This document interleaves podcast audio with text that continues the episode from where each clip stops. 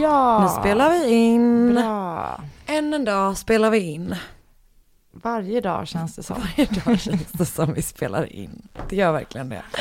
Eh, Det här är Mord mot mord, en eh, true crime podcast som görs av mig, Karin Landry, och av dig, Anna Sandell. Japp, Jag tog mig friheter. det var bra. Du, du gillar ju, Jag gillar att bli presenterad. ja. exakt. Mm. Så du bara kan gå in och göra en sån jävla entré sen. Exakt. Hallå du, jag har en fråga till dig. Mm. Vad fan har du gjort i helgen? Jag har inte pratat med dig Nej, och det gör mig jättestressad. Ehm, I fredags så träffades vi för du hade fest på ditt jobb. ja, och sen Det var väldigt Så, trevligt. det var väldigt trevligt. Var Tack snälla för att ni kom. tack, tack. Eh, nej men, eh, och sen i lördags, min syster bor i Singapore. Ah, Så hon det. kom hem med sin familj. Jo men just ja. jag var med dem typ hela dagen, min lilla gulliga systerson. Är han god? Han är så jävla Hur gullig. gammal? Han fyllde två i maj. Mm, mm, mm. Eh, och, Tycker han om dig? Alltså vi känner inte varandra asbra, men han tyckte Nej. om mig i eh, lördags. Men jag tänker att det kan ha svängt tills imorgon när jag ska träffa honom nej. igen. Jag vet inte. Det, du måste verkligen gå in och prestera varje gång. Det är som när man, när man börjar dejta någon ny. Exakt Att så. man bara, Exakt man kan liksom inte vila i relationen utan man börjar Exakt på så. noll varje gång. Det är verkligen jobbigt. Men Mm. jag köpte en sen födelsedagspresent till honom som han fick i lördags. Och idag ett Duplo.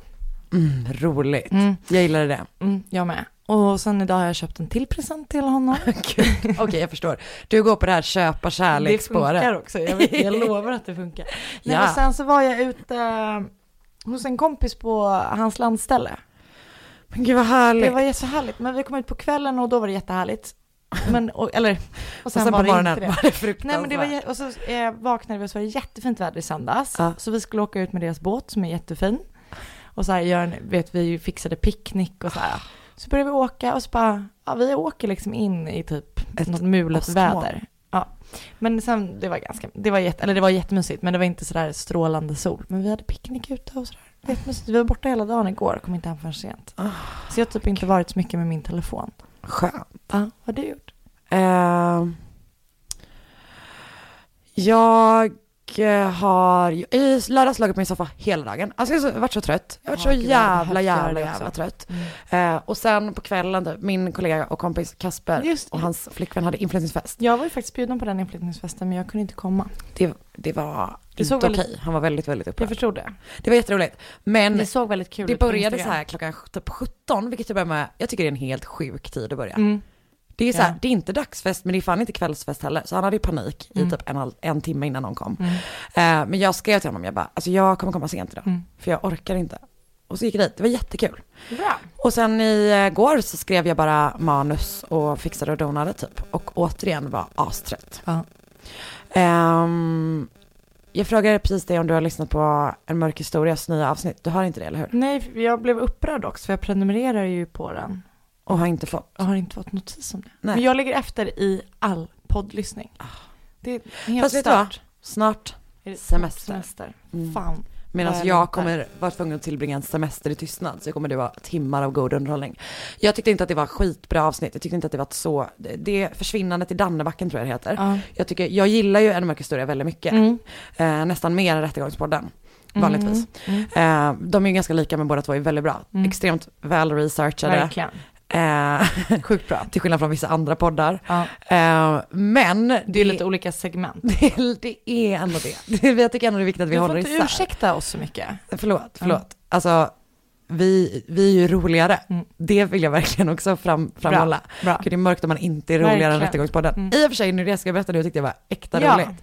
För att då är det typ att de sitter i förhör med en snubbe. Alltså det är ju väldigt mycket rättegångsupptagningar. Ja. Och eh, den här personen berättar att han har typ lagat middag på kväll, alltså typ under en specifik kväll. Och då är han, alltså du vet lite grann så som eh, Arboga kvinnan, igen hon ska förklara saker. Ja, så, Så är han- Mästare på allt. Exakt, fast med mat. Att han bara, jag hade lagat tapas, som om ni inte känner till det är ett spanskt sätt att äta. Skämtar du? Så jag tycker typ så här, det är värt att lyssna på det bara för när han pratar om tapas. För det är verkligen helt absurt. Jävla idiot. Ja, det tar, man kan äta under en hel kväll, det är väldigt trevligt. Det är liksom så lite spanska smårätter kan man säga. Man bara, men gud, Gud vad sätt weird. dig ner. Men han, det kanske var för att han ville ge alibi under en lång kväll. Att så här, tapas ingenting man s- äter, slänger i sig på. Jag tror bara han ville mästra. Han mansplainade tapas. Så jag tycker verkligen du Men var ska, det tapas eller var det pinchos? Ska jag fråga honom då om jag träffar honom? det är det vi kommer göra vår grävande journalistiska podcast om. Vad var det egentligen? Vad är pinchos? Pinchos är bara att det är serverat på bröd va? Ja. Mm. Jag tycker ju bättre om pinchos. Jag, jag, Det är alltså, för att du gillar bröd. Exakt. Jag har ju varit ganska mycket, inte i Spanien, utan på Mallorca. Ah. För jag har aldrig varit på fastlandet. Men jag varit, Inte ens i Barcelona. nej, helt stört. Hmm. Min bror har också, skitsamma. Eh, nej men det är så konstigt för min, min, min bror har ett hem där. Så Ah. att jag hade liksom kunnat varit där. När åker vi dit? Snart. Ja, bra. Men, Nu när vi börjar samla eurobonuspoäng du och jag. verkligen. Nej men, ehm, jag tycker inte om spansk mat. Va? Det är Jag, ju asgott. jag gillar inte det. Jag tycker allting smakar lite off typ hela tiden. Så du vill inte bli bjuden på middag av den här? Inte av honom. Av en god gärnings- paella tycker jag i och för sig är gott. Mm. Man ska fan inte, ja, man, man kan inte det. bråka med en god Alltså paella. jag gillar allting lite grann, men jag tror inte jag gillar att äta, alltså jag, jag är gillar det så bra att tapas det- till förrätt. Ah, för jag, Jag tänkte annars aldrig- är det väldigt bra för det är ju, jag vet inte om du vet det, men tapas är ett spanskt sätt att äta där man äter Ah, smårätter. Men jag gillar inte smårätter, jag vill ha liksom en stor grej. Ja, jag vill ju äta allt alltid. Mm. Så för mig är smårätter perfekt. Jag behandlar ju vanliga menyer som tapasmenyer kan man säga egentligen. Det är därför jag alltid måste äta med väldigt många som är öppna för att dela. Ja, Ja, jag hatar att dela. jag vet. Gud vilket, eh, inte starkt, inte. Du och jag är lite sköra det idag. märks att vi är trötta. Ja, Ja, jag vill ändå, jag vill nästan kalla oss sköra. Ja, Du, jag såg dig komma släpande på någon jävla påse och alltså, den är lika stor som min kropp. Alltså. du såg så jävla, jävla ledsen ut. Att du vet, att man såg så här, du hade kämpat i 20 minuter på att gå 200 meter, så såg det ut. alltså jag har kämpat en halvtimme med att gå från mitt kontor hit. Det är Mm. fan långt alltså. Mm, det är faktiskt Och så så. vill jag köpa ett par nya jeans. Jag gick också igenom ett par nya, gick också igenom några affärer. Mm, och släpade. Tungt. Tungt, hjärtat. Mm. Eh, innan vi börjar prata om veckans fall. Men gud, Anna, Ja. vi måste ju för fan, vi ska komma på tre ord. Ja, shit. Okej, vi tar en liten en tystnad En och tänker. Mm.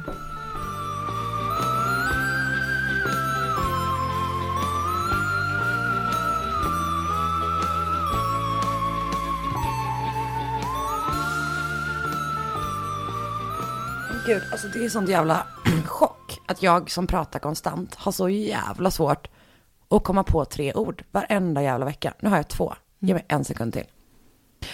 Då kör jag. Mm. Mm, mm, Skåne. Mm. Incest. Halshuggning. Det är nästan som du hade förra veckan.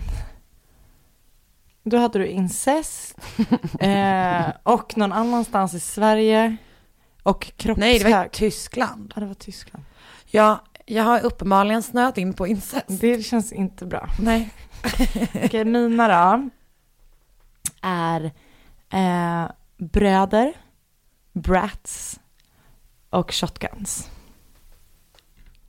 wow. Mm. Det låter... Jag vet, vilka, jag vet vad det är. Ja. Får jag säga? Nej, eller ska vi? Men du kan säga, Får jag du, gissa? Jag avslöjade mig ju själv för det. Ja, Så Du vet ju vad det är för att jag har berättat för dig vad jag det är. vet. När jag ville låta som att jag gissade, men egentligen så var det bara att jag hade läst en gång. Eh, du ska göra Menendez Brothers. Eh, och det vet jag för att du skulle skicka en printscreen på något annat till mig och då såg jag att du lyssnade på en podd om det. Det var jag så vet jävla om att, korkat. att det är det du, alltså att det är så du gör din research, att du Mm. lyssnar på väldigt mycket poddar om olika Mm. ämnen. Så. Fan vad fett. Och jag sa redan då att jag var det svinglad gjorde för du det. faktiskt. Bra. Nu blir det. Eh, och två saker till. Jag tror att vi kommer släppa det här typ den 27 augusti, nej, 27 juni det här avsnittet. Mm. Och då eh, vill vi att folk ska veta att vi under juli kommer släppa avsnitt varannan vecka. Vi behöver semester. Verkligen. Vi behöver verkligen, verkligen vara lediga, för vi håller på att gå under. Verkligen. Eh, så skicka goda tankar, skicka semesterpengar, Ja, glada tillrop. glada tillrop. Idag, apropå att vi är trötta. Mm. Jag fick alltså som att det var, jag, jag hade vis, uppvisat så tydliga stresssyndrom idag. Åh, alltså sådär som att man håller på att bli senildement. Mm, ja. För jag, jag kunde typ inte prata. Jag var inne i en bokhandel och skulle säga någonting helt annat. Jag bara, är det här en bok? Typ. Det var som att jag var, alltså det var som att jag måste ha semester. Mm. Jag vet. Och det är därför, för att Anna ska kunna prata igen, så måste vi släppa avsnitt varannan vecka. Exakt. En till grej. Ja. Eh, vi har inlett ett samarbete med produktionsbolaget Jarowski, Ja, vilket kanske mest är jätteroligt för oss. verkligen. Men det är verkligen askul för oss. Det känns Eh, verkligen det superroligt. känns som att vi typ håller på med något riktigt tycker jag. Mhm, Eller hur? Verkligen. Att det är så här, oj, Mm. folk vill, folk vill jobba med oss. Mm, jättespännande. Eh, så vi får se lite grann vad det blir av det, men förhoppningsvis så kommer det bli askul. Och Verkligen. i förlängningen kommer folk även vara glada för det, inte bara vi. Exakt.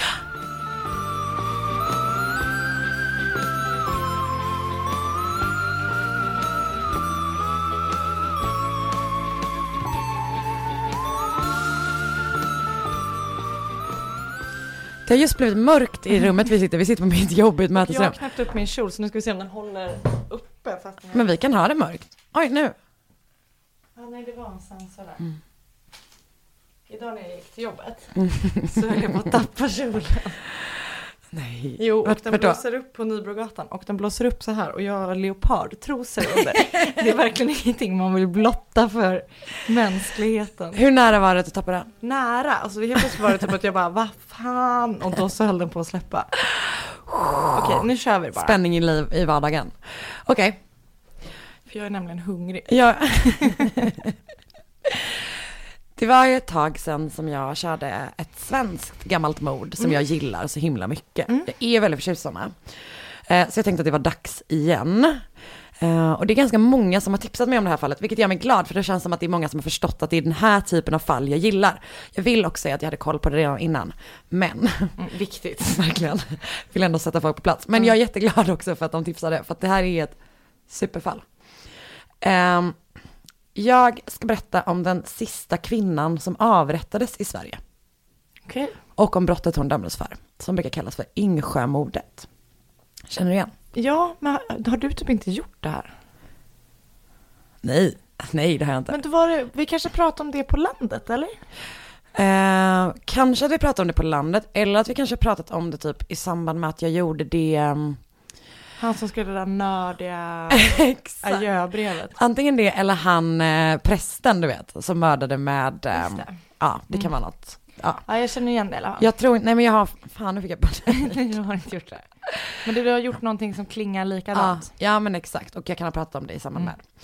Yngsjö ligger i alla fall 27 kilometer utanför Kristianstad i östra Skåne. Om det inte är östra Skåne så behöver ni inte rätta mig. Vi ska åka, eh, det är liksom rätt långt tillbaka i tiden här, eh, 1880-tal. Eh, på en gård som heter Möllegården i just Yngsjö så bor vid den tiden en kvinna som heter Anna Månsdotter och en man som heter Per Nilsson. Anna föddes på julafton 1841 någonstans i östra Skåne och kom i 20-årsåldern att gifta sig med den 13 år äldre Nils. Tillsammans fick de tre barn, men det är bara Per som överlever. Och typ att jag, när jag tänkte på det, fan vad man bara tappade barn hela tiden på den tiden. Jag fattar inte ens hur man kunde leva sitt liv när barnen dog så himla ofta. Nej, jag vet. Nu hade hon bara, bara tre, men alltså ja, ja, det var bara ett, Men någonting jag, jag tänkte tänker på. att, att det döden fanns mer nära för. Det är sant, det är ju verkligen, verkligen sant. Men fan, det måste ju fucka alltså, med. det är klart, såklart. Vartannat år så är det så här, oj, nu blev jag av med en Mm. unge till. Eh, och familjen hade liksom inte helt lätt på andra sätt, eh, för de är så skuldsatta titt som tätt. Eh, och det suger för typ Anna hade så här tänkt sig att nu när jag gifter mig så kommer det så här bli lugnt ekonomiskt. Det var typ en av hennes sådana going in. Mm. Man kan ju relatera. Och eh, hon tar liksom ut sin frustration efter över deras ekonomiska situation på sin man, så de glider längre och längre ifrån Ja. varandra, medan hon kommer närmare och närmare sin son Per. Eh, 1883 så dör Nils också. Suspekt, eller? Nej, jag Nej, tror inte det. Fast säkert, eller? jag vet inte. Ja. Du kan döma när jag berättat för dig vad Ja. hon har gjort. Eh, och efter det kan man säga att things got weird. Okay. För Anna och Per bor tillsammans, han är strax över 20, hon är strax över 40 och snart börjar det gå rykten i byn. Eh, när Anna har varit änka ett par år och Per ännu inte skaffat sig en fru så börjar det folk prata om att de typ har en incestuös relation. Mm. Alltså det är liksom som att de är snarare som man och hustru än vad de är som Mm. mamma och son liksom. Så för att få slut på det så bestämmer Anna att Per ska skaffa sig en fru Ja, okej. och att de typ ska ta över gården. Så Per träffar en Hanna jo Johans dotter och hon flyttar in på gården och planen är då att Anna ska flytta ut och typ flytta till sin mamma tror jag är planen. Men Anna vägrar göra det, Mm. vilket också gör mig så stressad. Tänk att du flyttar in hos Ja. din kille. Alltså det är ju väldigt svårt att relatera till idag, men jag tänker att det kanske säkert finns några, Ja. några exempel. Alltså svärföräldrarelationer är ju konstiga redan från början. Det är inte naturligt liksom. Man vill ju inte bo med någon annan, man vill inte ens bo med sina egna föräldrar hela tiden. Man vill ju absolut inte bo med någon annans föräldrar då. Så, Anna fixar liksom inte att Nej. Per har skaffat sig en fru. Hon blir svartsjuk. Mm. Det känns verkligen som så här, det är så här dåtidens, vad heter den?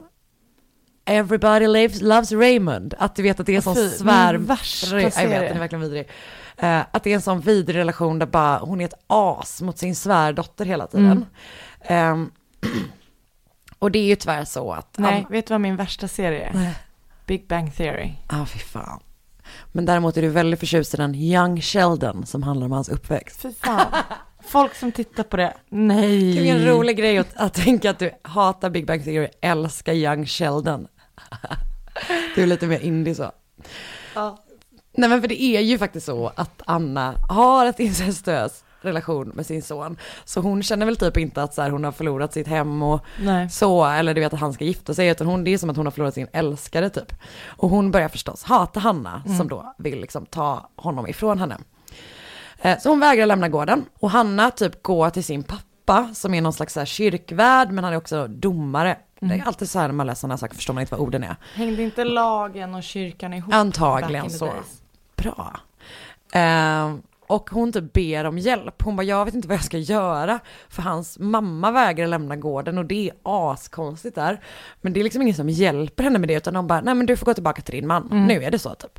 Eh, hon, går, hon går till sin pappa flera gånger, får absolut ingen hjälp alls. Eh, så äktenskapet hinner liksom aldrig bli bra. Eh, det är kast från början och det blir bara värre. För en dag så upptäcker Hanna eh, Per och Anna när de är till sängs ihop. In the middle of it. Mm. Ehm, Fan vilken chock alltså att gå in på det. Jävlar. för jag tänker också att man har intalat sig själv att man bara nej nej det är Jag bara bullshit på, ja, men på byn typ, Ja. det är bara skitsnack typ. Så kommer du in och så ligger din man i säng med sin mamma. Det är, så, mörkt. himla mörkt. Mm.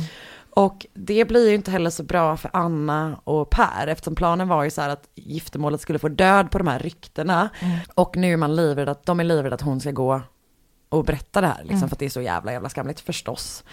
Ehm, så istället då så känner de att vi måste döda vittnet. Såklart. Mm.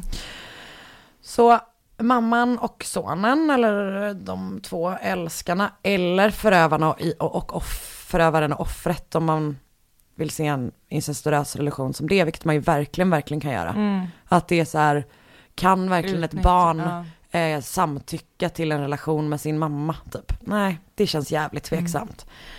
Ehm, men de börjar i alla fall smida planer. Så de gör det inte med en gång? För det verkar konstigt, ska man göra det ska man väl göra det direkt? Jag eller? vet inte tids liksom Nej, okej. så, men det är inte så att det liksom, de, de flyger på direkt.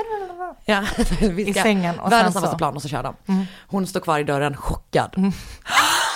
Mm. Eh, och man vet inte exakt hur det här mordet går till, för de kommer senare liksom säga olika saker.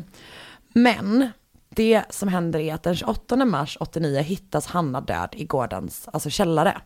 Och jag vet inte om det är någon av dem som hittar henne, står citattecken, eller om det är någon som typ kommer till gården. Det jag hittar ingen information kring det. Men det ser i alla fall ut som att hon har trillat ner för trappan.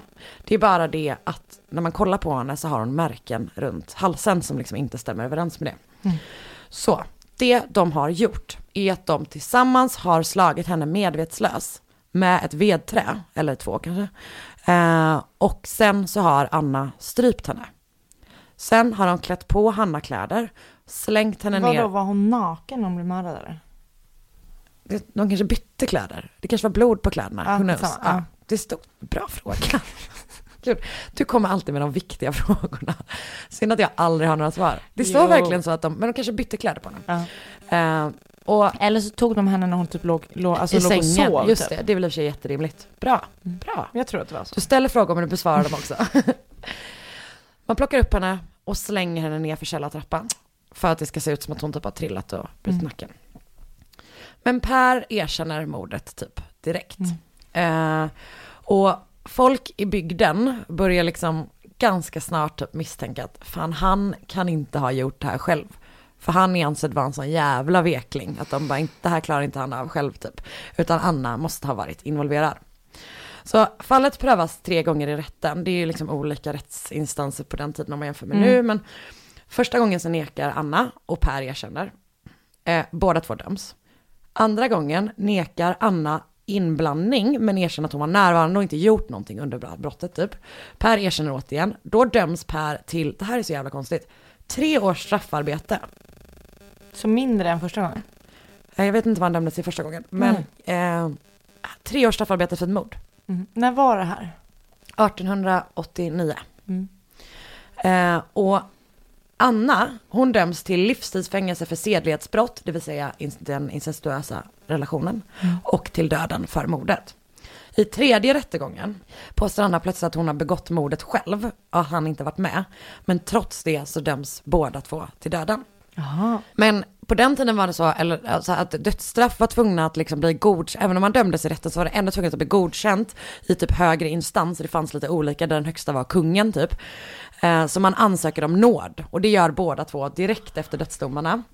Och som sagt har ju det liksom kommit fram under rättegången att de har haft, eh, men att incest har förekommit liksom. Och mammans makt över typ sonen blir jävligt tydlig, att det är, så här, det är hon som är svartsjuk på han och allt sådär. Så på grund av det så ändras Pers dom till 23 års fängelse. Mm. Eh, och Anna Månsdotter har liksom inte samma flyt. Hennes ansökan avslås om och om igen. Till slut ska Oscar den andre ha skrivit gräsligt i marginalen på hennes ansökan och avslagit den. Bra. Mm, verkligen. Ehm, inte för att vi är för dödsstraff, men kul att det stod Det gräsligt. Eh, så, den 7 augusti, augusti 1890 så går Anna Månsdotter, då är hon 47 år gammal, mot stupstocken på fängelsegården i Kristianstad. Alltså det verkar så jävla läskigt att bli halshuggen. Men det är så grovt. Det är så jävla grovt. Hellre det än hängdock. Jag vet inte. Jag Jag vet, också- att, det, jag vet Ja. att det typ är mer effektivt. Men det är något som, det är ju det där med yxa alltså. Mm, ja, ja. Eh, och bredvid henne så går en präst som de senaste veckorna har försökt övertala henne att ångra sina, alltså ångra sina brott. Han bara, kan du snälla bara säga att du ångrar det så kan vi liksom, så är, det, är vi lite mer okej med Gud. Han var tydligen väldigt, väldigt skakad över att han inte hade lyckats få henne att göra det. Eh, hon har vägrat, hon har bara sagt, nej nej, Ja. I stand by my choice typ. Hon avrättas av eh, skarprättare Anders Gustav Dahlman med en så kallad handbila, vilket är en riktigt obehaglig yxa. Alltså den ser, Bilar känner jag igen. den ser riktigt jävla jävla obehaglig ut. Så här ser den ut. Just det, det är en sån. Men det är en sån riktig av, gammeldags avrättaryxa. Det ser ju ut som eh, Game något of Thrones. Ja, precis. Exakt så ser det ut. Och hugget tar snett. Så att det går ett rykte om att hon så här, det sägs att hon blev, att de var tvungna att göra det tre gånger, men det stämmer inte. utan hon dör första gången. alltså, Snett i halsen eller snett, Snett ner i, i ansiktet. Ah! För att tydligen på den tiden så, Hade man huvudet uppåt? Jag vet inte, men tydligen på den tiden så var det så att man eh, av, alltså man gjorde en avgjutning på ansiktet efter döden som heter dödsmask. Och där kan man se att det, att det var, att det liksom gick i ansiktet. Och hon blir då den allra sista kvinnan att avrättas i Sverige. Men jag fattar inte hur hon blev huggen i ansiktet. Hon måste ju, men tror du inte att den slant och så liksom Ja, gick den runt tänker jag. Och den här dödsmasken fanns tidigare utställd på vad vi pratat om tidigare, måste varit ett otroligt museum, Polismuseet. Polismuseet i Stockholm. Coolt. Tror du man kan få se deras arkiv på något sätt eller är allting bara, De lär väl inte ha slängt eller? de bara släng den gamla osthyveln som han, gubben använde sig Det vore ju verkligen kul att få se. Eller hur? Mm. Kan vi fixa ett, eh, en guidad tour? tour, Mm, ja. Vi måste jobba på det.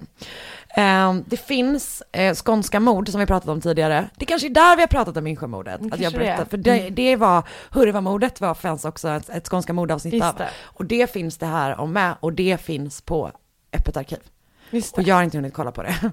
Men det finns där, så vill man veta mer Mm. så kan man kolla efter skånska mord om Yngsjömordet i eh, SVTs öppna arkiv.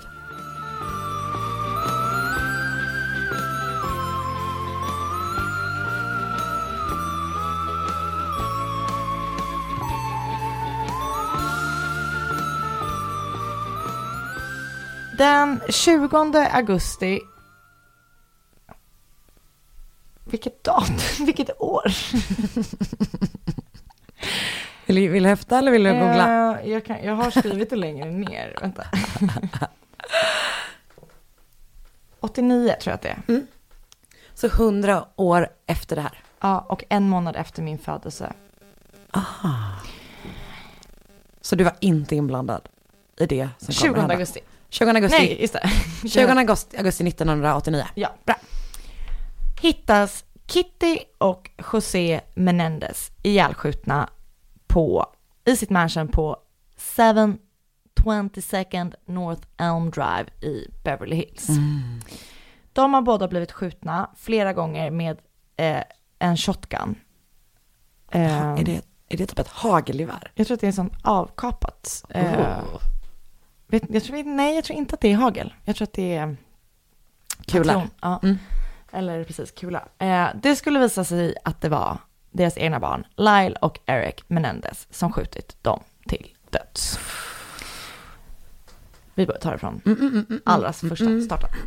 1944 föddes José Enrique Menendez i en medelklassfamilj i Havanna. Hans pappa var en känd fotbollsspelare eh, som, hade, som också hade sin egen bokföringsfirma. Josés mamma var en duktig simmerska. Och även om familjen egentligen inte var särskilt förmögen eh, så var de så duktiga eh, inom idrott så de var en del av liksom den högre societeten. Ah. Ehm, så när den kubanska revolutionen eh, var över, hade väl börjat då Mm. och var över, så tyckte Josés eh, föräldrar tyckte att livet i Kuba var för, förändrat och att det Mm. liksom aldrig skulle kunna bli som det var innan. Eh, och att de inte ville vara kvar där. Så de bestämde sig för att flytta därifrån. Så som när José är 16 år gammal flyttar han från Havanna till USA. Eh, José kunde inte ett ord engelska när han flyttade, men han var fast beslutad om att han skulle klara sig och liksom göra en karriär i det här nya landet. Han hade som ambition att komma in på ett Ivy League, eh, en Ivy League-skola. Och det var ju såklart, eller såklart, det var inte alls såklart. Det var en dröm som tyvärr inte införlivades. Mm. Och han lovade sig själv då att om han någonsin skulle få barn så skulle han se till att de skulle komma in och ta examen från en sån skola.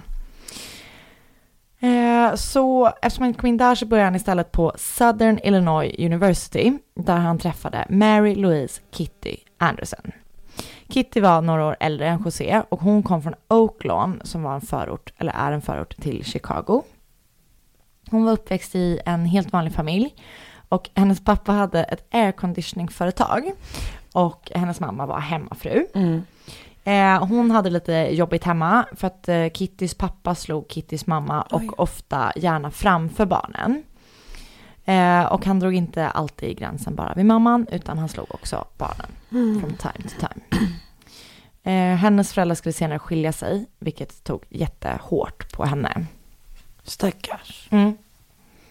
Verkligen stackars. Det är också så himla alltså, intressant hur typ djupt rotat det är att det ändå är bäst att vara en familj, familj när det är så här, din pappa slår din mamma men ändå så är det jättehemskt att de skiljer sig. Exakt. Att det verkligen ändå är Verkligen. en, en nästan större sorg ibland typ. Typ så.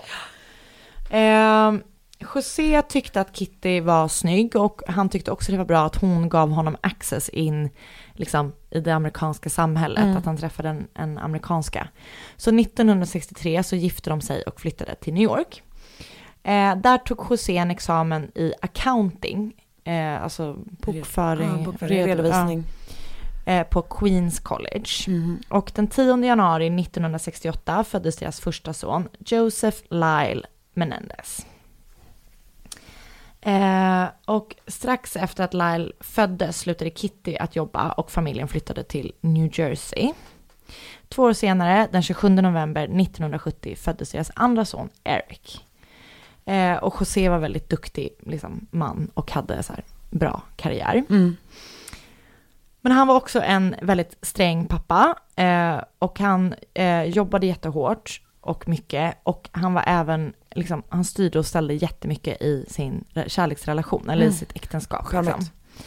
Eh, och även om han hade lovat från början när han ingick i äktenskap när han gifte sig med Kitty, att de skulle vara lika i deras relation och sådär, Ja. att allting, så var han den som bestämde allt och ofta utan att fråga Kitty om liksom, vad hon tyckte. Han hade också ett wandering eye och hade många olika affärer med olika kvinnor. Och 1981 kom Kitty på eh, José med en av hans relationer och bestämde sig för att lämna honom. Bra. Men bara några dagar liksom, efter hon har fattat sitt beslut så övertalar han henne att hon ska komma tillbaka. Mm. Eh, och det skulle vara då både för sönernas skull, för de var ju då inte så, de var 11 och 13. Mm. Eh, men också för att han älskade henne så mycket, så han kunde inte leva utan henne. Mamma, han älskade henne inte, inte henne så mycket att han kunde tänka sig att låta bli att ligga med andra, Nej. men absolut. Exakt. Mm. Och eh, det var då 1981, Nitt- så hon kommer tillbaka till honom. 1986 kommer Kitty på att José haft en eh, relation länge med en annan kvinna. En affär liksom. Verkligen. Eh, den relationen har pågått sedan 1978, så i åtta år. Och det var med en kvinna, med en kvinna som hette Louise. Eh, och när Kitty fick reda på det så lämnade hon inte honom, men hon blev typ jättedeprimerad och pratade om att hon skulle begå självmord och sådär. Super, super sorgligt. Mm. 1986 var också det året som familjen flyttade Calabasas i Kalifornien. Det är där eh, familjen Kardashian har bott. Jaha, De bor där i de första liksom, säsongerna av eh, Ah, Keeping ja. Up with the När det inte går, det går bra för dem, men det går inte så jävla bra. Mm. Mm, fattar. Eh, för att då fick José en tjänst som president eh, av Life, Live Entertainment. Som var liksom en vid- filmdistribuering, dis, Distributör. tack. Vad, Eh, vad, vadå, för- alltså, live Entertainment, jag antar Vad- att de, eh, var VHS eller liksom? ja. Eh, Det var big business på Eller precis, det måste vara någon slags film, eh, ja, Mm. VHS, eh, ja. Det är något mediajobb. Och Kitty tyckte egentligen inte om idén att flytta hela familjen, men hon övertalades av José igen och då flyttades de. Men Lyle då gick på Princeton. Eh, Ah. och, eh, så han var där. Ehm, och som jag sa tidigare så var José eh, väldigt sträng pappa. Och han hade ju, som jag nämnde också typ precis initialt, att han hade stora planer för dem. Han ville att de skulle bära vidare hans legacy. Eh, så att han började väldigt tidigt eh, ha så strikta regler för barnen. Eh, typ om vad de skulle äta, vilka de skulle leka med, eh, vad de skulle läsa eh, och till och med vad de skulle tänka på. Mm. Så funkar det absolut. vad skulle, vet vi vad de skulle tänka på? Vad sa du? Vet det vad? vet jag inte vad, men tror du? antagligen typ att vara duktig i skolan. Men Att man bara ska gå runt och tänka på det. Ja. Eller kanske att de skulle tänka på så um, data. Ja. Bara gå runt och tänka, alltså Bara tänka smart people. stuff. Verkligen. Mm-mm. Eh, så här, de körde både, eller Lyle, nej, José då och Kitty, men antagligen påhejade av José, körde väldigt hårt med sina barn.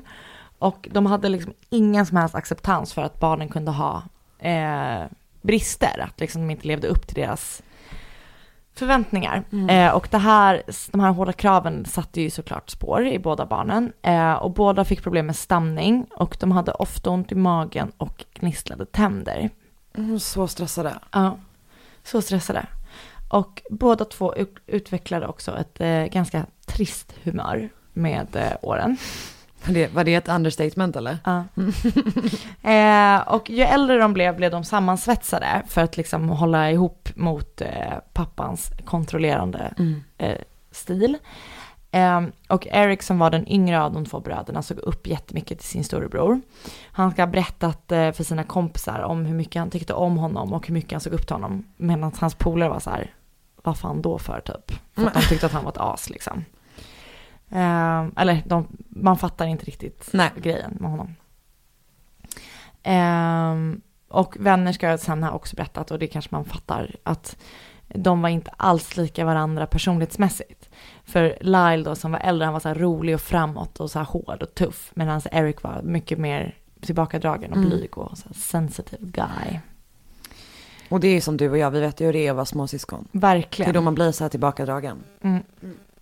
Ehm, och eftersom pappa José kom från en väldigt högpresterande familj inom sport så hade han eh, höga ambitioner även för sina barn. Så han pressade dem att vara duktiga i, eh, inom sport, vilket de typ egentligen inte riktigt var. Eh, och pappan ville inte att sönerna skulle välja en idrott som var en lagsport, för då tyckte han att han skulle tappa kontrollen liksom över det. Så han ville att de skulle välja någonting när de var ensamt utövande. Uh, yeah. Så båda bröderna valde tennis när de var typ 9 och 12. Eh, barnen var inte heller så bra i skolan, men det vägrade José att inse, så han gjorde läxorna åt barnen. eh, och eh, som jag sa var de liksom ganska präglade av att de var så hårt hållna. Lyle var alltså sängvätare vid 14 års ålder och lekte med gosedjur. Vilket tänker, man tänker ju så här, fan vad man är. Mm, det är inte bra. Det är ju te tecken på stress. Ja, ja, ja, gud ja. Något är det ju. Eh, Stackarn. Verkligen. 1982, jag hoppar lite här mm. kronologiskt. Ja. Eh, så var bröderna 12 och 15 år. Och då var deras kusin Diane på besök hos familjen. Och en kväll börjar kusinerna att brottas. Och utan förvarning så börjar bröderna Menendez klä av Diane och sen binder de henne. Hur gammal sa vi att hon var? Och hon är typ jämnårig, jag vet inte exakt. Um, och hon skrek och skrek och skrek och skrek. Och som tur var så slutade de. Så de gjorde liksom inget mer än att bara klä av henne och, och binda fast henne. Uh. Och under samma sommar som hon var på besök blev hon också utsatt för att bara Lyle typ kastade sig över henne och satte sig gränsle över henne och började så här hålla på med hennes bröst. Och, även då, och även då så bara började han att sluta där, från ingenstans. Typ lite som i den här första uh. attacken. Usch. Stackars henne. Ah, så och också typ att man vet om att så här, det var ingenting hon ville säga till om för typ hon kände att det var pinsamt för henne. Exakt. Klassisk sån grej. Åh uh. oh, vad hemskt. Eh, och som jag sa så var ju, eh, gick ju Lyle på Princeton när mm. familjen mm. flyttade. Och han hade sökt dit eh, på uppmuntran av sin pappa. Eh, eftersom pappan ville verkligen, liksom, det var det enda han ville typ. Och först kom han inte in, utan då började han på ett sånt community college. Um, så han sökte och sökte och sen ett år efter hans första ansökan fick han börja där till slut. Men under hans första termin blev han anklagad för fusk. För att då skulle han ha kopierat en kompis eh, liksom, tenta mm. eller hemuppgift och lämnat in den som sin egen. Um, och José fick reda på, och pappan José fick reda på det här fusket genom att hans syster berättade det för honom. Och Larry ska berättat för systern i förtroende vad som hade hänt. Eh, för att han blev väl typ religerad eller hotad om religering. Heter det det? Jag tror det. Ja. José skrev ett brev till Lyle som Lyle skulle läsa upp för en sån disciplinary eh, liksom committee. Men efter fyra timmars förhör så tyckte hela den här disciplinary boarden att han skulle bli avstängd i ett år för Oj. sitt fusk. Och då, istället för att bara acceptera den domen, så flyger José direkt till Princeton. Ah, för att försöka, ja, försöka överklaga den här avstängningen. Eh, men det går inte. Så under det året eh, jobbade Lyle hos sin pappa, där pappan så här behandlade dem som vem som helst. För att José började misstänka att de har blivit för bortskämda. Att de är bara helt slappa typ. Mm. Eh, Eller så kanske de bara inte är lagda åt det hållet som du vill att de ska alltså, vara lagda. verkligen. Verkligen. Mm. Eh, och Eric, den yngre brodern, han hade lite svårare med kompisar än Lyle. För han var typ en mjukis. Eh, och eh, hans bästis i skolan var, en kap var kapten för tennislaget. Så de liksom hade träffats inom tennisen. Och då, han hette Craig. Och de till... Ehm, det här är en liten passus-story, mm, mm, men ändå viktig. Eh, de var i alla fall kompisar, det var typ hans enda kompis, eh, förutom då sin storebror. Och de skrev tillsammans ett eh, manus till en film. Oj. Och manuset handlade om en kille eh, som kom från en förmögen familj, som av en slump hittade sina föräldrars testamente, där han såg att om föräldrarna dog så skulle han få 157 miljoner mm. dollar. Så sonen eh, mördar sin familj för pengarna innan han till, själv, till slut själv dör i det Ja. Så det var bara, här, det gjorde de bara. Ja. 1988 så börjar bröderna tillsammans råna hem runt om i Calabasas. Eh, och de bröt sig in hos sina kompisars föräldrar. Och de blev så sjukt glatt överraskade över hur mycket pengar de kom över. För att det var ju bara så förmögna hem. Ja. Och de tyckte att det var ett så smidigt sätt att få tag på pengar. För att slippa liksom höra pappans tjat om att de skulle arbeta hårt. Så de är ju Ja, ja, bortskämda. ja. De ska tillsammans ha lyckats stjäla eh, för 100 000 dollar.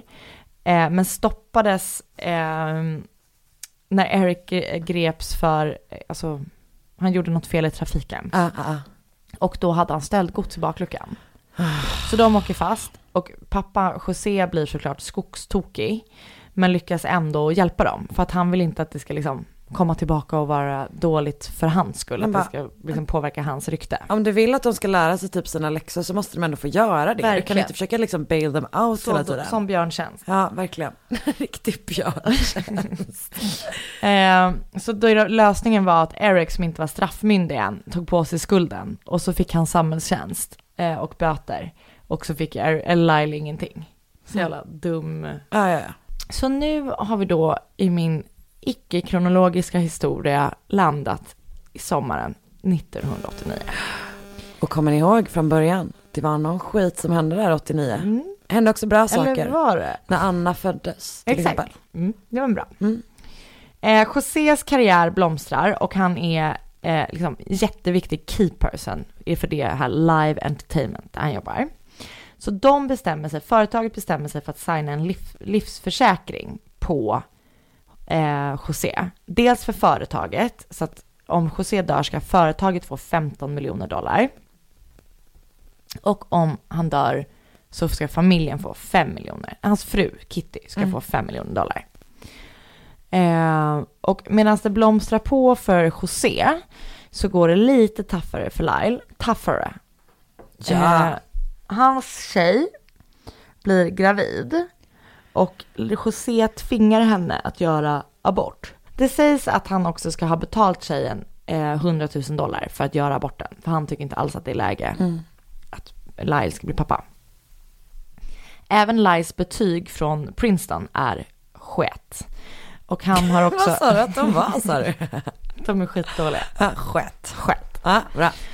Eh, han har också åkt fast på, i skolan för att förstört ett eh, biljardbord i sin korridor. Så även här är han liksom på vippen att få en avstängning. Ja. Och han har fått sitt körkort indraget. Eh, och han bidrog till att familjens benefits på deras country club blev indraget genom att han ska ha åkt golfbil eh, på ett skadligt sätt över golfbanorna. Min dröm. Verkligen. Min dröm. Men han verkar vara en sån jävla skitunge. Ja, verkligen. Riktig. Mm. Eh, men José liksom täcker upp och gör allt han kan och typ betalar och så här. Men man kan säga att eh, Lyle är på Josés shitlist. Ja. Kitty och José blir mer och mer trötta på att deras barn eh, var skit, har jag skrivit här. Bra.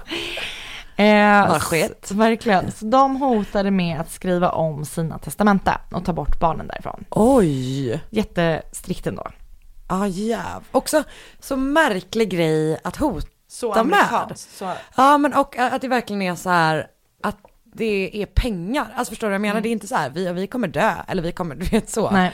Utan det är liksom pengarna. Fan vad konstigt. Så stört. Ja, verkligen. Eh, och ju längre sommaren gick så blev det också mer och mer laddat hemma. Eh, Kitty ska ha berättat för sin psykiatriker att hon var rädd för sina egna söner.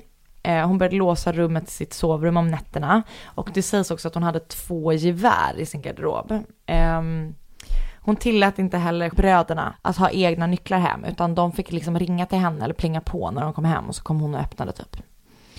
Eh, och Kitty psykiatriker som då förstod att bröderna också kanske inte var, mådde helt bra, rekommenderade att de också skulle gå och träffa en psykiatriker som hette, eller heter, Jerome O'Seal.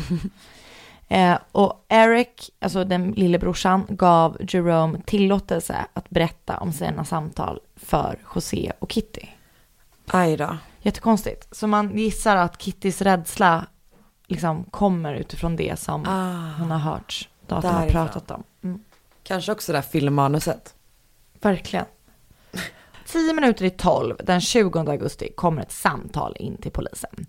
Det är Lyle Menendez som ringer. Och samtalet är askonstigt. Man kan höra det om man vill. Har du hört det?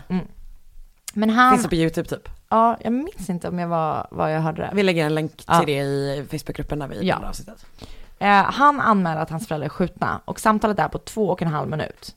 Bara en minut senare kör Michael Butkus, som är polis, och hans partner John Shronaki upp på Menendez uppfart. Och de går runt huset och tittar först i några minuter. Och sen hör de helt plötsligt, alltså när de har varit där ett tag, två män skrika och springa ut ur huset. Och utanför grinden så faller de ner på knä och säger Oh my god, I can't believe it, I can't believe it, om och om igen. Och det är då bröderna som liksom reagerar typ så sent. Jättekonstigt. Men också så konstigt när de redan har ringt. Exakt. Eh, och poliserna försöker få något vettigt ur dem, men de var helt i upplösningstillstånd. Eric eh, sprang omkring och grät och försökte banka in sitt huvud i ett träd, varpå Lyle liksom så här får honom att lugna ner sig. Eh, polisen går sedan in i huset och hittar Kitty och Josés kroppar och sen tilldelas Les Sel- Seller, Ja. Seller Yes. utredningen. Jag- När, ja, Var hittas de döda? Är det typ i sängen? i vardagsrummet. I vardagsrummet? Mm. När han kommer fram till brottsplatsen så såg han fort att ingenting har blivit stulet. Alltså det är ingenting som tyder på att det är, att det är ett rån.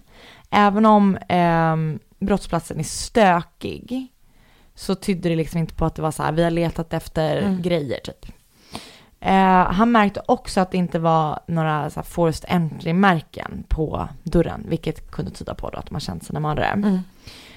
Eh, samma natt så tas bröderna in på förhör, även om polisen inte misstänkte dem.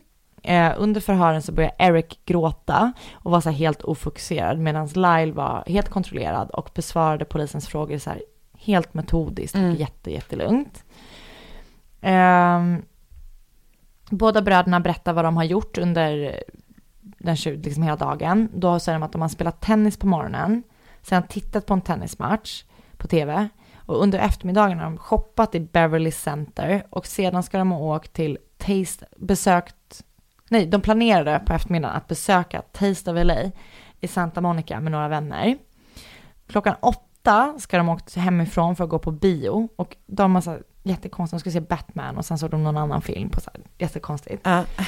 Eh, och efter eh, bion så ska de ha åkt till Taste of LA utan att träffa upp sina kompisar. Eh, för de hittar dem inte. Och då så ska de ha stannat någonstans och ringt sina kompisar som har sagt att de är på Cheesecake Factory i Beverly Hills. Och innan de åker dit så åker de hem för att hämta Erics fusk-ID. Fake. Ja, um, falsklägg. Jag har skrivit fejklägg så jag vet inte varför jag ändrade mig helt plötsligt till fusk-ID. Fusk i det. Eh, men när de kommer hem så säger de att de har märkt att det kommer rök från deras hem. Eh, vilket polisen tyckte verkade vara konstigt eftersom de själva inte sett något tecken på att det skulle ha rykt från huset. Eh, men eftersom bröderna inte var misstänkta så gjorde man inte heller någon sån pistolpulvertest. Just det. Så de släpps liksom. Eh, och tre dagar efter morden så utfördes en obduktion på Kitty och José. Och jag tänker inte berätta, det är så stört grovt övervåld. De har blivit skjutna flera gånger, båda två, med shotguns och är väldigt skadade. För de har blivit skjutna på nära håll. Och det är, ett, det är verkligen obehagligt hur det beskrivs. Typ. Det är verkligen söndertrasat Ja. liksom. Och José har blivit skjuten i huvudet och på massa andra ställen. Och de som var i huvudet var ju inte dödliga i sig, vilket verkar jättekonstigt. Mm. Eh, och han blev av med jättemycket blod. Även Kitty har blivit skjuten i kroppen och i ansiktet. Mm. Eh, och i Kittys kropp så hittade man am- ammunition, en annan ammunition än i Josés kropp. Ah, så man börjar tänka två gärningsmän. Två gärningsmän, eller att, man har, det, att de har laddat om sina vapen. Ja. Eh, och de var båda två eh, skjutna i vänster knä. Eh, något som man trodde gjordes för att det skulle se ut som ett maffiabrott. Så töntigt på något Så sätt. töntigt. Ja. Eh, den 25 augusti, alltså bara fem dagar efter morden, så arrangerar bröderna en jättestor minnesgudstjänst för sina föräldrar. Som typ sänds på tv tror jag. Ehm, och de själva dyker upp en timma sent till den här uh, minnesgudstjänsten. Det är så jävla konstigt. Också så här, Så bara, det var ju ni som skickade inbjudan. och, ja, Alltså. ni, vet tiden, men också typ om ni vill Verka, sk- verka oskyldiga. oskyldiga så ja, Det är så stört. mm, mm, blocka hela den dagen. Verkligen. Mm. Eric såg obekväm ut och Lyle var så här cool, avslappnad, snappnad, Mm. som det heter. Ja. Eh, Lyle såg det som en chans att synas eh, och att inte bara stå i sin pappas skugga. Just det. Utan han liksom såg där som sin eh, typ time ändå- in the limelight. Jag tycker typ ändå att det är rimligt att stå i sin pappas skugga just på hans begravning. Om det är någon gång man Om kan göra det så är det kanske då. Exakt. Och den 28 augusti så hade de också en klassisk lite mer intim begravning i kyrkan. Och i kyrkan pratade Lyle då om, i 30 minuter, eh, om hur mycket hans föräldrar betytt för honom. Medan Eric bara grät och var helt, helt förstörd. Med Hedvigs hemförsäkring är du skyddad från golv till tak oavsett om det gäller större skador eller mindre olyckor. Digital försäkring med personlig service, smidig hjälp och alltid utan bindningstid. Skaffa Hedvig så hjälper vi dig att säga upp din gamla försäkring. Hedvig hemförsäkring, ett klick bort. Aj, aj, aj, det kluckar i rören. Men det är väl inget att bry sig om? Jo, då är det dags för de gröna bilarna. Spolarna behöver göra sitt jobb. Spolarna är lösningen. Ah, hör du? Nej, just det. Det har slutat. Dåliga vibrationer är att skära av sig tummen i köket. Ja! Bra vibrationer är att du har en tumme till och kan scrolla vidare. Alla abonnemang för 20 kronor i månaden i fyra månader. Vimla! Mobiloperatören med bra vibrationer. Ehm, och det som är så himla konstigt är att bara fyra dagar efter att föräldrarna mördas, alltså dagen innan den här minnesgudstjänsten, så börjar bröderna bränna pengar som fan. Så de köper bilar, klockor, kläder, smycken, de bara maxar ut sina inköp. Och ehm, Lyle och Eric får reda på att de skulle ärva 2 miljoner dollar. Men de själva har förväntat sig att de ska ärva upp mot 90 miljoner. Så de Oj. typ blir helt chockade när det är 2 miljoner. För det har de typ redan hunnit bränna då. Men typ. På en shoppingrunda. Det, jag kommer berätta hur mycket de har bränt på väldigt kort tid. Längtar. Ja, ehm, så de tycker att lite, men de fortsätter så spendera ändå. Så bröderna flyttar till ett hotell efter, för att de säger att det är, eh, de är rädda att de också ska bli överfallna precis som sina föräldrar. Eh, så att Josés arbetsplats, det här betalar de inte själva, utan han skickar en nota på 8800 dollar till sitt jobb för brödernas fem nätter på lyxhotell. Och eh, hans jobb betalade också för limousiner och bodyguards för att skydda dem. Just det. Bra. Oklart var han jobbar faktiskt, vet jag inte. Men, Ah, han är inte kvar på sin pappas? Nej, det var ju bara när han var avstängd på... Ah, Okej, okej, okej. Eh, och de bodde eh, på lite olika hotell innan de till slut hyrde lägenheter bredvid varandra i, som verkar vara connecting, eh, i ett lyxhus. Eh, och bröderna fortsatte bara köpa, spendera, bara maxa ut sina credit cards. Och i oktober samma år, alltså bara två månader senare, så hör de... Så gulligt att du precis räknade till två på dina fingrar. två. Ja. Det är helt sjukt. Med alfabetet och med årets månader måste jag alltid säga alla innan jag kommer fram till rätt. Ja, bra. Då har de på två månader spenderat 90 000 dollar var. Det är ganska mycket pengar. Det är ganska mycket pengar. Lyle bestämmer sig också för att starta ett företag som han döper till Menendez Investment Enterprises. Och han anställer, anställer där eh, bara kompisar från Princeton. Jättebra. De hyr ett asdyrt kontor, men hans business lyfter aldrig riktigt. Och mycket, tyder på, mycket som tyder på det är att hans kompisar som är anställda var lika mycket fuck-ups som han Just själva. det. Mm, perfekt. Det var en skön kille som anst- anställde Verkligen. andra sköna killar helt enkelt. Exakt. Ja. Så där bara bränner de asmycket pengar också utan att egentligen få in några pengar. Så Mhm. istället så bestämmer han sig för att följa en, en gammal dröm om att ha en restaurang. Så han köper eh, en pizzeria som också bara gick back för att han lät alla hans kompisar typ freeloada på honom. Eh, och Eric blev också utnyttjad för sina pengar. Alltså, de är verkligen inte smarta. Eh, han blev också utnyttjad för sina pengar. Han blir ombedd att sponsra en rockkonsert med 40 000 dollar. Men den killen som han då så teamar upp med, som han ger pengarna, drar med pengarna och det blir aldrig någon rockkonsert. Nej, det Mm. blev ingen rockkonsert.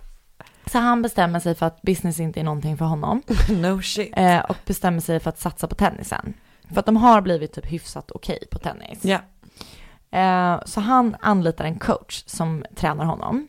Och under ett helt år så reser de runt och bara bor på dyra, dyra hotell och bor och spelar tennis. För att polisen fortsätter att utreda föräldrarnas mord. Stoller, Seller, fortsätter att utreda mordet. Mm. Och José hade då många fiender sägs det. Och eh, vid något eh, tillfälle så säger han då en kompis till dem, alltså föräldrarna, säger så här, I have no basis for this, but I wonder if the boys did it. Vilket får Soller att, som jag nu, jag vet inte om det är så jag uttalar Nej det, men nu gör vi han det. heter det, Ja. blev förvånad över att höra.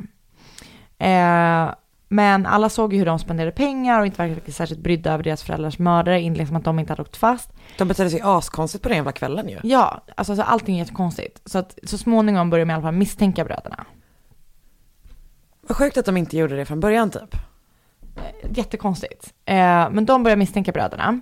Och det var inte bara hur de spenderade pengar som väckte misstanke, utan efter bara 11 dagar efter mordet så har bröderna ringt en datorexpert och bett dem eh, radera alla filer på Kittys dator. Men vad fan. Ja, så de har också bett att radera Kittys testamente som ett nytt testamente och försäkra sig om att det aldrig skulle hittas och att man inte skulle se vad de har gjort för någonting.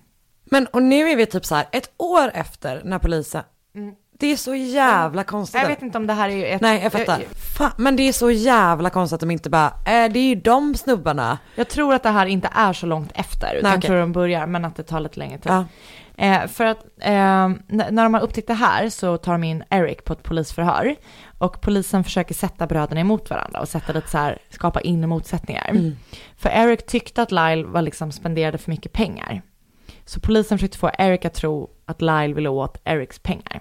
Så efter det här förhöret, när polisen liksom försökt skapa lite osämja, så försöker Eric ringa till Lyle som inte svarar. Eh, så när Lyle inte svarade så ringer Eric sin psykiatriker, sin gamla psykiatriker Ozeal för att han säger att han behöver prata med någon. Så de träffas och pratar och precis i slutet på sessionen så stannar Eric upp och säger We did it, we killed our parents. Så han berättar för sin psykiatriker Ozeal att de har blivit inspirerade av Billionaire Boys Club. En miniserie om ett fall när några förmö- förmögna killar dödar sina föräldrar för att komma åt deras arv. Orkar inte. Nej. Han berättar att de var så jävla trötta på hur de blev behandlade av sina föräldrar. Och han berättar att de egentligen inte ville döda sin mamma, men att de trodde att, hon inte, att de inte skulle komma undan med mordet på pappan om de inte dödade dem båda. Eh, och när han berättat precis det här så stoppar dok- Dr. O'Seal honom och säger så här, du borde kanske ringa Lyle innan du fortsätter att prata med mig typ. Eh, men innan Lyle, har- och det gör han, och innan Lyle hinner komma fram till O'Seals kontor så fortsätter Eric att berätta. Och han berättar då att han har köpt vapen, eh, att de har köpt vapen i San Diego under ett annat namn. Och hur bröderna eh, tyckt att de själva har begått det perfekta mordet. För de har plockat upp alla patroner och de behövde ju inte ens oroa sig för fingeravtryck eftersom de var i deras egna hem. Man bara, ja, all, men allting ni gjorde efteråt var ju det dummaste som någonsin har hänt. Så. Verkligen.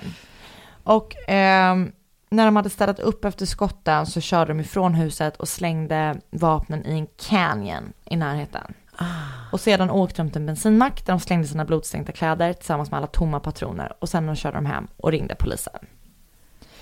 Så när Lyle dyker upp på O'Seals kontor är han helt galen av ilska eh, att Eric har berättat allt de har gjort. Så Lyle säger till O'Seal att han trodde att deras pappa skulle varit stolt över dem för att de har begått ett sånt effektivt mord. Lyle hotar även O'Seal att om han berättar för någon så kommer Lyle behöva döda honom också.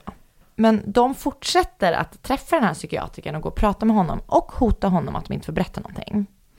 Eh, Gud, det är verkligen upplagt för ett gott terapisamtal. verkligen. Men det är så, pistol mot huvudet. Och eh, Osil hade kunnat eh, anmäla det här utan att bryta den här patientplikten man har för att han har blivit hotad till livet. Men istället så fortsätter han att ta anteckningar och att spela in sina sessioner med bröderna. Kul också, som de inte hade hotat honom till livet så hade de inte behövt oroa sig. Då hade han inte han kunnat gå till polisen typ. Typ att det är så. Smart. Eh, och i samma veva som allt det här hände så parallellt så intervjuar den här polisen Soller eh, Erics kompis Craig, hans tenniskompis. Och han berättar att Eric ska ha erkänt allt som hände under kvällen. ehm, för honom någon gång. Och då frågar Soller om, han, om Craig skulle kunna tänka sig att ha på sig en mikrofon och äta middag med honom och få honom att erkänna. Igen liksom. Och han går med på det. Så den 29 november, nej det här är inte ens ett år efter. Okej, precis. Nej, det här är alltså typ i oktober, november. Ah. Ganska nära in på mordet. Om, ah, om ni behöver så kan jag sedan rita en tidslinje.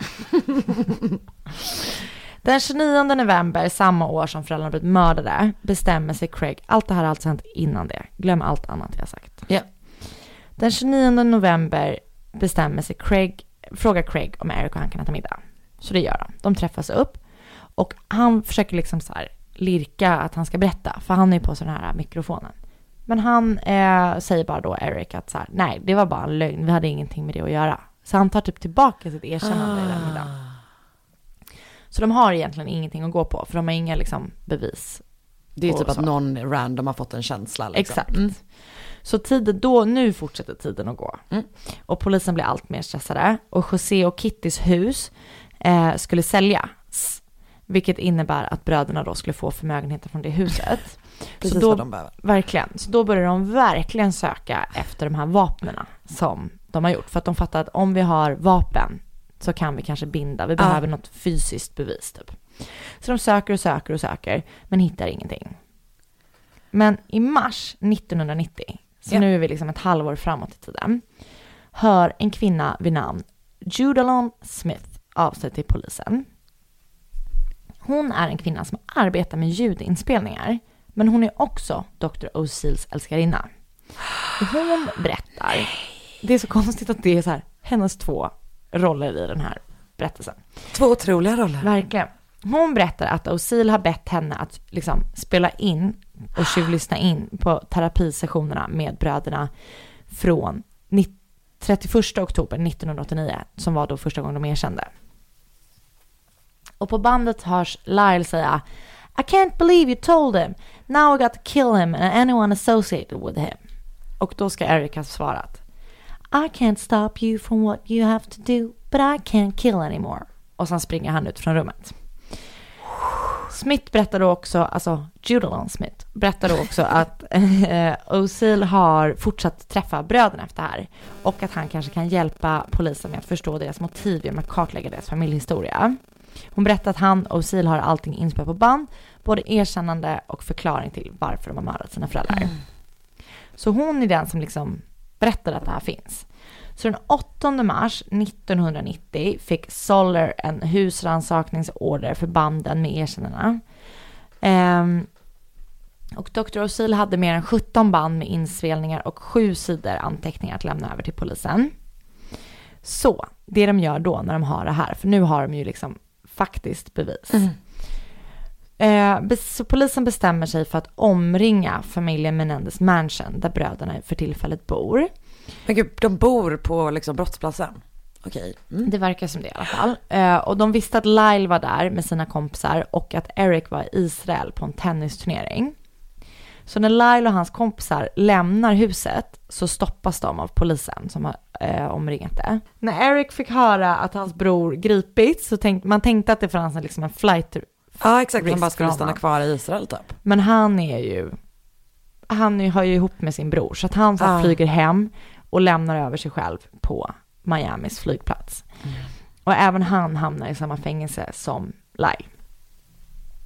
Och även om bröderna nu är gripna så var polisens case inte helt klart. För de hade inga direkt fysiska bevis. Alltså de har erkännat men de har ingenting som knyter dem till eh, brottsplatsen. Så de fortsätter att ehm, eh, leta efter vapnena. Eh, och de får reda på vida Judah Lone Smith att eh, de har slängt eh, de här vapnen i en canyon vid Mulholland Drive. Och att de, Jag var på Mulholland Drive vid en canyon. det var kanske där. Det var kanske där. Mm. Wow. Och hon berättar också, eller får reda på genom henne, att de har köpt sina vapen i San Diego under ett annat namn. Ja. Så till slut så lyckas de lokalisera den här, den här affären. Exakt. eh, och till slut får de då liksom ett fysiskt bevis. Ja. Eh, som kopplar bröderna till mordet på sina föräldrar. Ah. Eh, och såklart så fick bröderna två asbra advokater. Så de 26 mars 1990 blir de ställda inför rätta på mordet på sina föräldrar. Och eh, när de kliver in i rättssalen så verkar ingen av dem särskilt brydda över att de ställs inför rätta och att typ deras liv hänger på den här rättegången. rättegången. De var båda två extremt arroganta i rättssalen. Och den rättegången var väldigt bevakad av press och deras vänner var där och tittade. Och så bröderna ska typ ha så här vinkat och så här minglat omkring där i rättssalen. Och varit så här, Gud, tja, vad störigt." tja. Och det var någon som sa att de betedde sig inte som att, eh, nej de betedde sig som att det var en rättegång för typ en p-bot. Och att deras advokater bara skulle, advokater bara skulle ordna upp det. Och sen skulle de kunna gå och äta lunch med sina kompisar. De betedde sig deras- som att de var på drink. Exakt så. Och när domaren läste upp vad de var åtalet för, vilket så, så lät så här. Multiple murder for financial gain while lying in wait with loaded firearm for which if convicted you could receive death penalty. Svarade de båda att de var not guilty. Men de blev båda satta i finkan utan möjlighet till eh, borgen medan de väntade på sin rättegång. Och under rättegången så var det massa fram och tillbaka eh, om den här rätt, banden som de fått Ah. från Dr. O'Seal. Och huruvida de fick använda dem eller Ja, inte. precis. Försvaret hävdade att de inte fick användas för att han då skulle ha brutit Ah. mot den här äh, patientläkare. Och åklagarna drev det andra caset då att det är så här, men de anklagade, de hotade Exakt. honom bla bla. Precis Mm. så. Gud vad spännande det här är. Ja. Men så i juni 1992 bestämde Supreme Court att åklagaren fick använda ett av banden, det bandet där, faktiskt de, eh, där de faktiskt hotade Just Dr. O'Seal.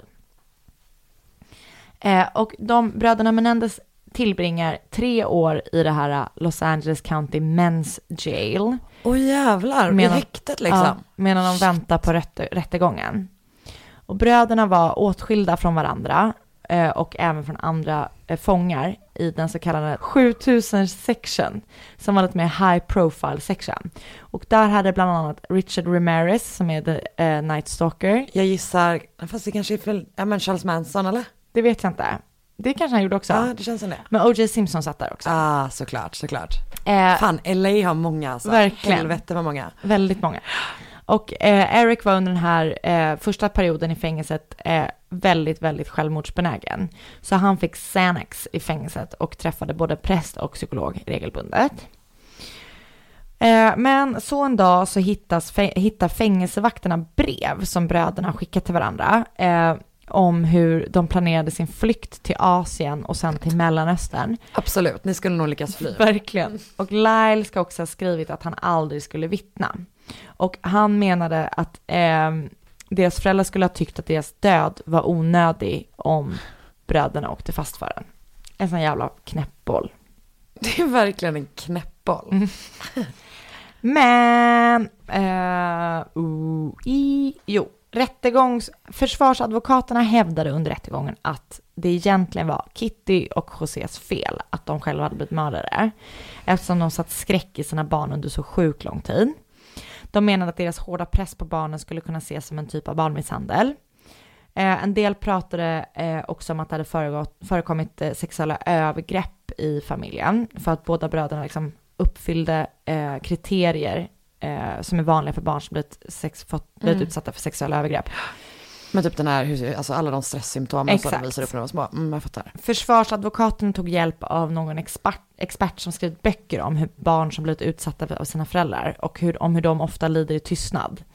Eh, jo, för att åklagarna hade då menade så här, varför säger ni det här? De har aldrig pratat med någon om det, det finns Nej. ingenting som tyder på det. Och de bara, ja men det är väldigt vanligt att man inte säger något. Exakt. Säkert- Det är nog förstås- sant. Ja, gud ja. Och den, den här experterna sa också att man lider länge i tystnad och när de väl står tillbaka så resulterar det ofta i något extremt övervåld. För att man har liksom gått och med, så här, förtryckt. Det som de också gjorde var, eh, försvarsadvokaterna, var att de klädde bröderna i så här barnsliga kläder. Men, Så att de inte skulle se ut att vara 22 och 25 utan att de mer skulle vara så här 12 och 15. Så istället, jag vet det är så jävla dumt. Också, jag vill så gärna se vad det var för kläder. Jo men det, istället för att ha kostym typ som man kan köra på sig. Ah, alltså shorts. så hade de kakeshorts och typ sådana så sporttröjor. Vet du vad jag tänker mer att, gud vad kul det hade varit om de hade sådana, du vet propellerkepsar. Verkligen. Man kan inte se yngre ut än om man har en sån här. det är verkligen sant. Det var en massa turer fram och tillbaka i rättegången som jag inte kan ta här. Mm-mm. Men, och även om det verkade helt självklart hur det skulle sluta, eftersom de är erkänt att de dödat sina föräldrar, så var det eh, inte så lätt. Eh, rättegången slutade i en så kallad mistrial. Just det, så att det juryn inte kan komma överens. Exakt. Mm. Så 1995, alltså sex år efter Oj. de har mördats och bröderna har suttit häktade några åren, så är det dags för en omtagning på Så de har suttit häktade hela tiden? Ja, Oj jävlar och den liksom nya retrialen pågick i typ ett år. Men den 17 april 1996, alltså sju år efter morden, så dömer juryn eh, båda bröderna till livstidsfängelse. De sattes då i olika fängelser tills de till slut flyttades till samma fängelse. Och eh, där hölls de åtskilda tag i fängelset och de fick se, se varandra för första gången efter massa, massa år efter ett tag. Och så började de bara gråta och bla bla så här. Och så fick de då besöka varandra i fängelset som Ah. vilka fångar som helst och så här, umgås typ. Så de sitter inne och ehm, fortfarande såklart. Och de, ehm, båda två har gift sig, de har haft så här många uppmunt- eller liksom så här uppvaktare. Är de snygga? Men de ser typ ganska bra ut. De ser ut så som man tänker att de ser ut Ja. va? Mm. Ehm, så båda två är gifta, även om Kalifornien inte tillåter sådana äktenskapliga besöks. Alltså de får, inte, de får inte knulla, Nej, men de är gifta. men de är gifta. Mm. Så det var lite kort om dem. Wow! Ja. Det är, Alltså, så, det är så stört på något vis. för det här är ju, det är ju ett väldigt känt fall. Mm. Eh, men jag har typ inte haft så bra koll på, alltså jag har typ haft så här, ja ah, men typ det är två rikemans, Alltså de kanske inte Ungar är som- assnygga men fast de ser ju, de har sådana där stora ansikten som amerikaner gillar. ja, exakt. Okej, det, var, det. jävlar vad fett. Tack. Åh gud vad spännande det var. Vilken Förlåt resa. att det var lite rörigt. Jag Nej. kan göra en tidslinje. Ska, jag, kan du pyssla en tidslinje? Exakt.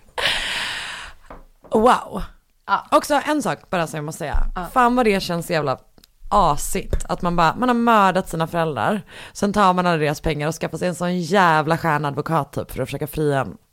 Alltså det är något så jävla, Det är så rövigt. det är så grovt liksom. Mm, det är så rövigt. Oh, tänk att jag har varit i den canyonen. Där de slängde det. Också, det vet jag inte. Förmodligen. Antagligen. Eh, tack snälla. Tack. Du, innan vi avslutar Ja, så ska jag, just det. Det är världens längsta avsnitt idag. exakt, jag ska göra lite snabbt. 200 år gammal. Vi har ju... Det här är 200 år gammalt poddavsnitt, det första i historien. Vi har en grej där vi pratar om en, eh, en lyssnarinteraktion Ja. i slutet av varje avsnitt. Jag har en grej som jag fick för typ några veckor sedan som jag ehm, skulle vilja läsa upp för dig. Kör. För jag har inte velat göra det innan vi spelade in. Okej. Okej. Eh, jag vill tacka för en grym jävla podd. Jag är snart 18 år och jag hade inte normal uppväxt. Jag föddes in i ett liv fyllt av droger, alkohol och brott och ingen närvarande mamma. Jag fick se och vara med om saker som ingen ska behöva vara med om. Har tidigare haft tungt blandmissbruk och varit suicidi, eh, su- suicid eh, och så vidare. Idag har jag varit ren i två år och fyra månader och studerar eh, musik och är sångare och låtskrivare från Gbg. True crime, sign me up. Jag minns som liten att jag såg folk bli misshandlade framför mina, mina ögon. Senare blev jag omhändertagen och utsatt för sexuella övergrepp i ett år. Men ni är fantastiska. När jag har en tung dag slår jag på ett avsnitt av Mord mot mord och känner att liv känns, livet känns bättre. Det är få saker som lyckas med det. Eh, om ni någon gång behöver få eh, råd, tips eller info om hur det är att leva nära brotten eller om missbruk eller liknande, I'm, I'm the guy. Ha det bäst, ni är de bästa i världen. Och sen så har personen senare, för vi chattade lite grann, också skrivit, folk måste få höra att livet är svårt för många och alla blir ändå inte Green River Killer. Åh, bra. Så sant. Så sant. Vad fint att hen delade det där. Eller hur? Det kändes så himla fint. Att det var så här, när den personen har en dålig dag, så vill den lyssna på oss. Det var fantastiskt. Eller Tack hur? snälla för det. Tack så jättemycket. Um, tack för den här, den här. Samma tid, samma kanal nästa vecka. Med Hedvigs hemförsäkring är du skyddad från golv till tak oavsett om det gäller större skador eller mindre olyckor. Digital försäkring med personlig service, smidig hjälp och alltid utan bindningstid. Skaffa Hedvig så hjälper vi dig att säga upp din gamla försäkring. Hedvig hemförsäkring, ett klick bort.